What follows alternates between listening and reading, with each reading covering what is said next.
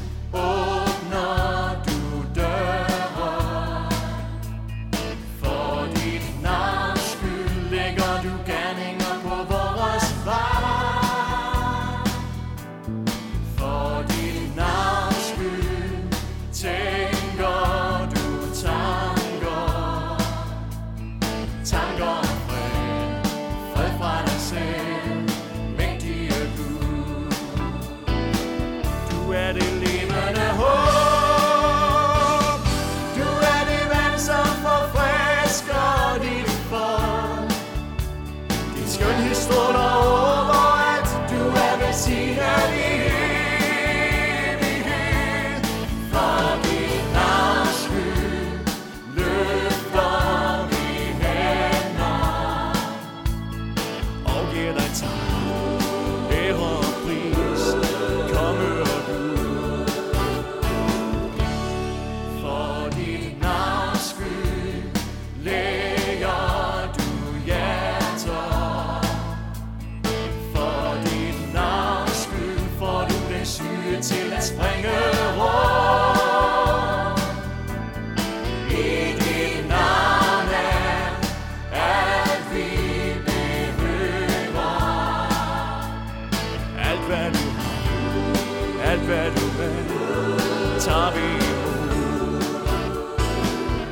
er det levende håb.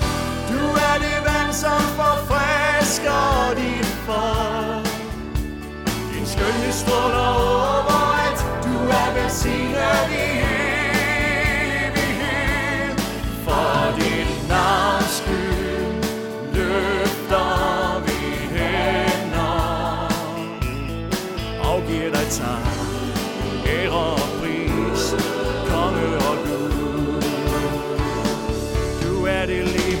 levende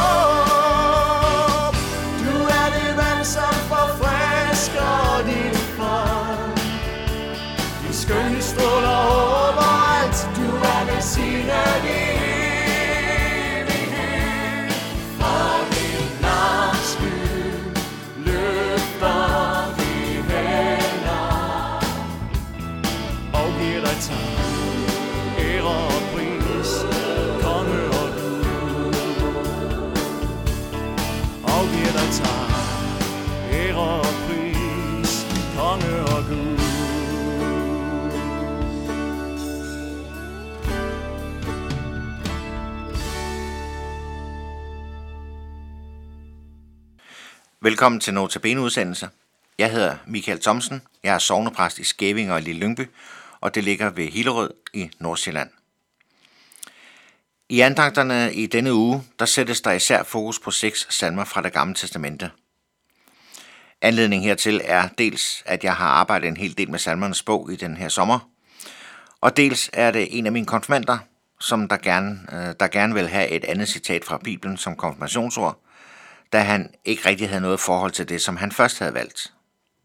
Han kontaktede mig, nu havde han gået i over en måned og tænkt over øh, sit konfirmationsord, og han havde talt med sin mor om det, og nu havde han faktisk fundet ud af, at det sagde ham ikke noget, og han havde fundet et, der sagde ham meget mere. Så han kontaktede mig for at høre, om ikke godt han måtte få det byttet ud, sådan at han fik sagt et godt ord til sig i kirken på sin konfirmationsdag her i august måned. Og det fik mig på den tanke, hvor meget går jeg egentlig selv og funderer over et enkelt citat fra Bibelen. Måske ikke lige fra en hel måned, men hvor længe får et enkelt bibelcitat egentlig lov til at leve og gøre et eller andet ved mig, så jeg kan få et forhold til det. Jeg tror nok, jeg er, jeg er nok den type, der mener, at kvantitet, det er også kvalitet. Og i løbet af en uge, der får jeg rigtig mange bibelord indenfor. Dels i mit eget personlige trosliv, og kvæg mit arbejde som sovnepræst, hvor jeg jo mange gange i løbet af ugen skal forholde mig til, og hvor jeg også skal bruge forskellige bibeltekster i forskellige sammenhænge. Så der er rigtig mange ord, der bare kommer ind. Men gør de også noget ved mig? Jeg har valgt seks salmer fra det gamle testamente, som jeg selv har fået en helt del tanker fra. Det er ikke nødvendigvis mine yndlingssalmer. Det er måske heller ikke dine. Men jeg har ved læsningen af dem øh, fået nogle værdifulde tanker at gå med, som har sat mange andre ting i, i sving hos mig. I dag der skal det handle om salme 51.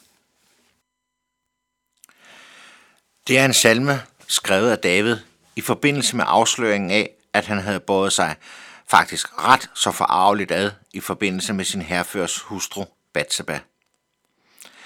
Først så sender David herføren Urias i krig for sig. Og mens Urias ligger ude på slagmarken, ja, så mundrer David sig med hans hustru. Uagtet at David jo altså selv har huset fuldt af både hustruer og medhustruer, så han behøver altså ikke mangle noget. Og det går jo ikke bedre, end at Bathsheba bliver gravid. Det er noget skidt. For Urias kan jo ikke så godt være far til barnet, når han ligger ude på slagmarken. David kalder Urias hjem og forsøger at få ham lokket til at gå i seng med sin hustru Bathsheba. Men Urias afslår. Han siger til kong David, at han vil ikke nyde ægteskabets seksuelle glæder, når hans soldater ligger ude på slagmarken, og der må savne deres kones varme og dejlige krop ved deres side. Derpå får David det arrangeret sådan, at Urias bliver dræbt i næste slag. Så er Bathsheba jo enke, og dermed fri, og David kan jo som den betænksomme konge tage sig af sin herføres ulykkelige enke. Åh, hvor det dog lugter grimt. Og David tror, at den hellige grav er velforvaret. Ingen har set noget, ingen har nogen mistanke. Men Gud har set det hele. Og profeten Nathan sendes for at afsløre David. Og David må betale prisen. Og David, og det er da i det mindste en familien omstændighed, David erkender, at han ikke bare har jogget i spinatbedet, han har begået en forfærdelig synd, optændt af sit eget begær. og salmen er så denne syndserkendelse og besindelse, og kan man måske også sige en slags omvendelse. Men David siger i vers 7 i salmen, I skyld har jeg været, fra jeg blev født. I synd fra min mor undfangede mig. Det vers, det ramte mig denne gang ved læsningen af salmen. Ikke at jeg har gjort noget lignende som David, bare roligt. Men de siger jo, hvad sandheden, hvad sandheden er om os mennesker. Vi er syndere. Vi er syndere og kan ikke blive fri for at være syndere. Vi er ikke syndere, fordi vi begår synd. Men vi begår synd, fordi vi er syndere. Og det kan vi lave lige så lidt om på, som vi kan lave om på, at en skildpadde er en skildpadde, og et menneske er et menneske. Vi er syndere, og derfor begår vi synd. Derfor må vi også bede Davids bøn til Gud, som den kommer til udtryk et andet sted i salmen, fra vers 9 til 14. Rens mig med isop for synd. Vask mig videre end sne. Forkynd mig fryd og glæde. Lad de knogler, du knuste, juble. Vend dit ansigt bort fra mine synder og udslet al min skyld. Skab et rent hjerte i mig, Gud. Giv mig på ny en fast ånd. Kast mig ikke bort fra dig, og tag ikke din hellige ånd fra mig. Lad mig atter frydes over din frelse. Styrk mig med en villig ånd. Den bøn må vi godt bede sammen med David. Og så vil vi forhåbentlig også opleve, at det samme sker for os, som skete for David – hvilket han giver udtryk for i vers 18 og 19. For du vil ikke have slagtoffer, og bringer jeg brandoffer, tager du ikke imod det.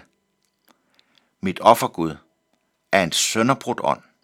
Et sønderbrudt og sønderknust hjerte afviser du ikke, Gud.